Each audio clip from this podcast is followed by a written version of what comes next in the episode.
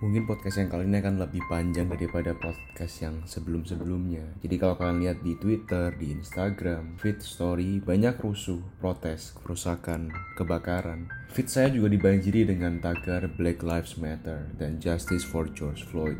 Dan akhir-akhir ini di Indonesia kita juga mulai memperjuangkan hak saudara-saudara kita yang ada di Papua. Saya jelas menentang apa yang polisi lakuin ke George, terlebih dengan fenomena yang terjadi di Indonesia. Kesel, iyalah, marah, jelas. Tapi coba kita pikir lagi. Iya, memang kita punya hak untuk protes dan most of us, kebanyakan dari kita pasti juga pengen ikut memperjuangkan hak mereka. Tapi Martin Luther King Jr. pernah bilang, kegelapan tidak bisa mengusir kegelapan, hanya terang yang bisa melakukannya. Kebencian tidak bisa mengusir kebencian, hanya kasih yang bisa melakukannya. Kalian ingatkan di Yohanes 9 ayat 5 Tuhan pernah berkata Selama aku di dalam dunia akulah terang dunia Dan sekarang dia sudah bangkit dan terangkat tinggal di dalam kita jadi kitalah terang dunia hari ini dan hari ini kita ada adalah untuk menyingkirkan kegelapan. 1 Yohanes 4 ayat 20 juga bilang jikalau seorang berkata, Aku mengasihi Allah dan ia membenci saudaranya maka ia adalah pendusta. Karena barang siapa tidak mengasihi saudaranya yang dilihatnya tidak mungkin mengasihi Allah yang tidak dilihatnya.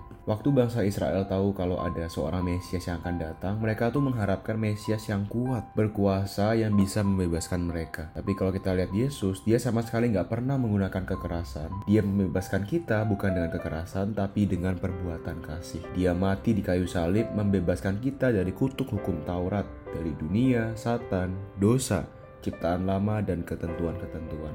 Jadi guys melalui George Floyd itu Allah sebenarnya ingin membuka mata dunia bahwa bukan hanya Black Lives Matter atau Papuan Lives Matter, tapi all lives matter.